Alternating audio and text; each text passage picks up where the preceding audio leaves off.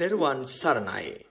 ධර්ම මාර්ගයේ ගමන් කරලා අප ළඟා කරගත යුතු අවසාන ඵලය පිළිබඳව ඊතා වැදගත් සහ හරවත් සදහම් කතිකාවතක් මෙම ධර්මදේශනාව තුළ අන්තර්ගත බැවින් ඊතා ඕනෑකමින් යුතුව මෙම ධර්මදේශනාව ශ්‍රවණය කරන මෙන් ඉල්ලා සිටින අතර ධර්ම දාණය උතුම්ම දානයයි යන්න සිත්හි තබාගෙන මෙම ධර්ම දාණය ලබා දෙන ධර්ම චැනලය සබස්ක්‍රයිබ් කරමින් අන් අයටත් බෙදා හරින ලෙස කාරුණිකව ඉල්ලා සිටිමු.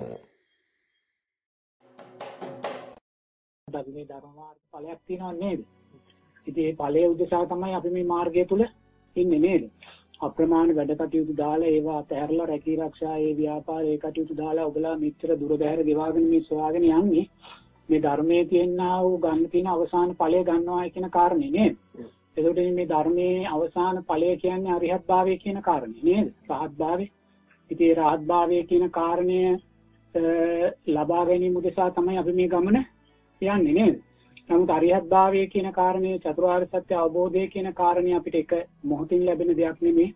අපි මේ මාර්ගය තුල ගමන් කළ බුදුරජාණන් වහන්සේ දේශනා කරන සද්ධාන්සාරී ධම්මාන්සාරී ඒතර සෝවාන් ඵලයේ සකෘදාගාම ඵලයේ අනාගාමී ඵලයේ මේවා මාර්ග පහු කළා තමයි අපි අනි මේ අරිහත් භාවය කියන කාරණේට වඩාගෙන යන්නේ නේද?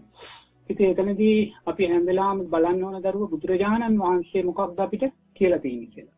නේද? යමෙක් චතුරාර්ය සත්‍ය අවබෝධ කරගන්න යනවනම් බුදුරජාණන් වහන්සේ කොතෙන්ටද අපිට යන්නේ කියලා තියෙන්නේ. මොකක්ද බුදුරජාණන් වහන්සේ කියපු දේ අපි පිළිගන්න ඕනේ නේද? ශාස්ත්‍රඥ වහන්සේ කියපු දේ අපි පිළිගන්න ඕනේ. වෙන කෙනෙක් කියන දෙයක් අහලා අපිට වැඩක් නැහැ නේද?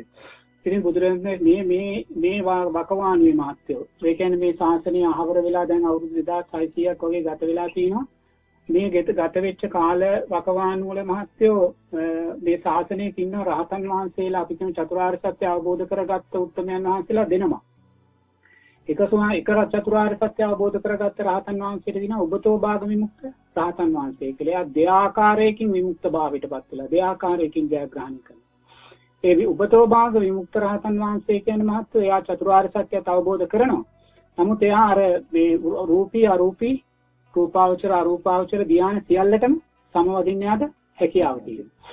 ඒ රූපාවචර අරූපාවචර ධ්‍යාන සියල්ලටම සමවදින්න හැකියාව තියෙන නිසා එයාට එද්දි ප්‍රාතිහාර්ය වගේ සියලුම ප්‍රාතිහාර්යයන් පාන්න පුළුවන්. ඒකෝට ඒ රහතන් වහන්සේට කියන ඔබතෝ භාග විමුක්ත රහතන් වහන්සේ කියලා. ඒකෝට අපි කවදා හරි දවසක චතුරාර්ය සත්‍ය අවබෝධ කරගන්නවා නම් ආකාර දෙකක් තියෙනවා. එකක් උපතෝ භාග විමුක්ත රහතන් වහන්සේ කෙනෙක් වෙන්න පුළුවන්. ඊළඟ රහතන් වහන්සේ තමයි ප්‍රඥා විමුක්ත රහතන් වහන්සේ. ප්‍රඥා විමුක්ත රහතන් වහන්සේට මාත්‍ය රූපාවචර